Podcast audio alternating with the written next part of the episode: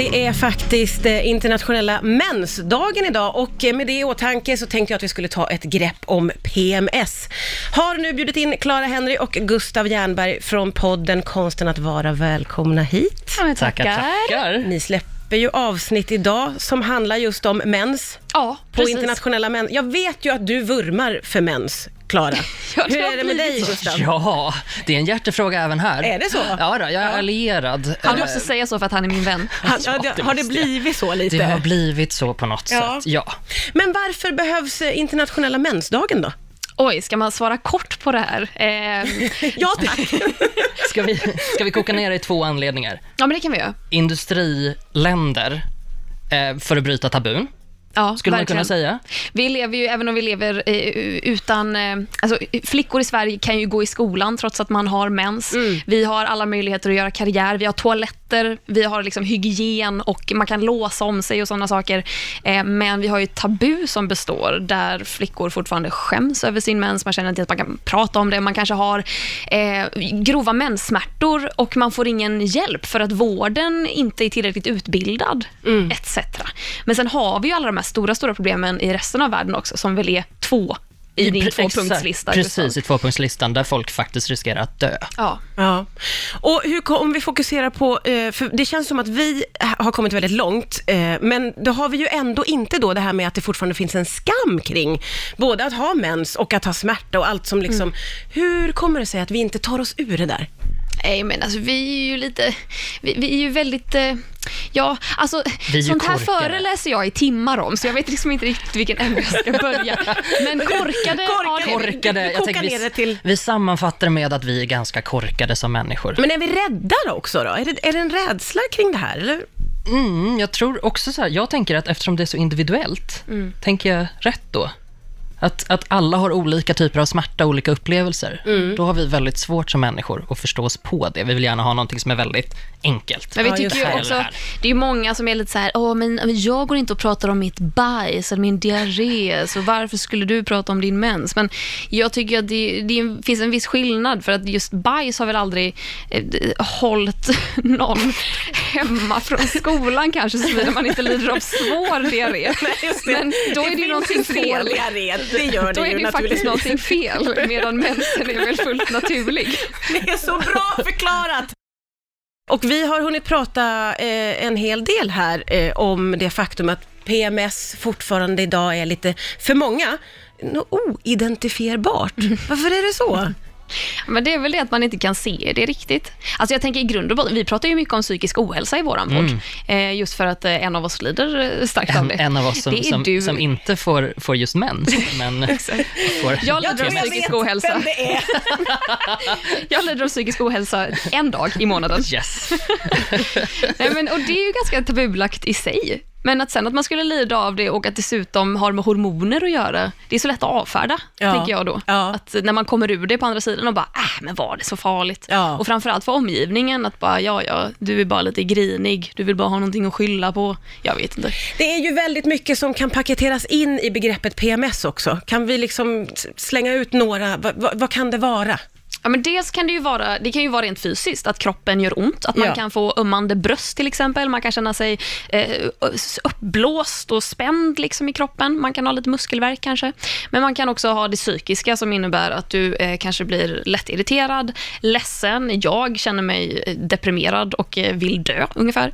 Och eh, Man kan också bli väldigt... Eh, alltså som att alla känslor förstärks. Så är du glad så blir du sketaglad. Det är någonting li- lite skoj Hysteriskt. för alla andra så står du där dubbelvikt och, liksom Och sen börjar jag gråta. Allt förstärks. Precis. Men eh, det finns också någonting som heter PMDS.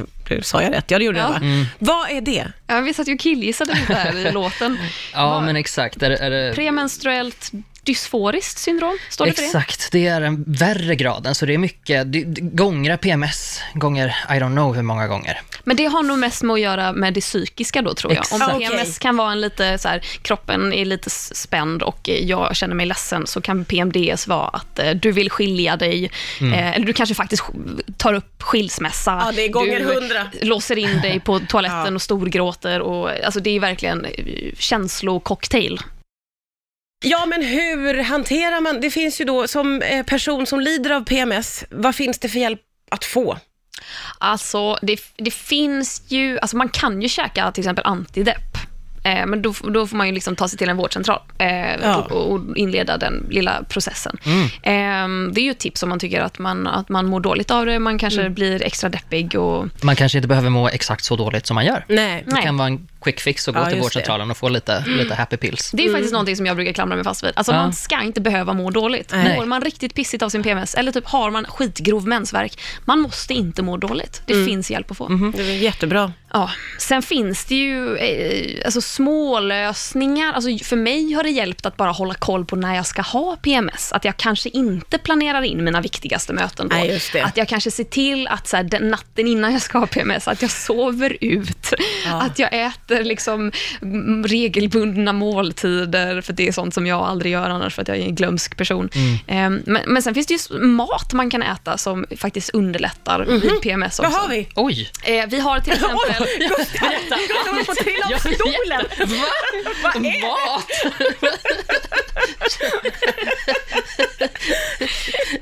Nu kommer det här Gustav. Berätta allt. Lyssna nu.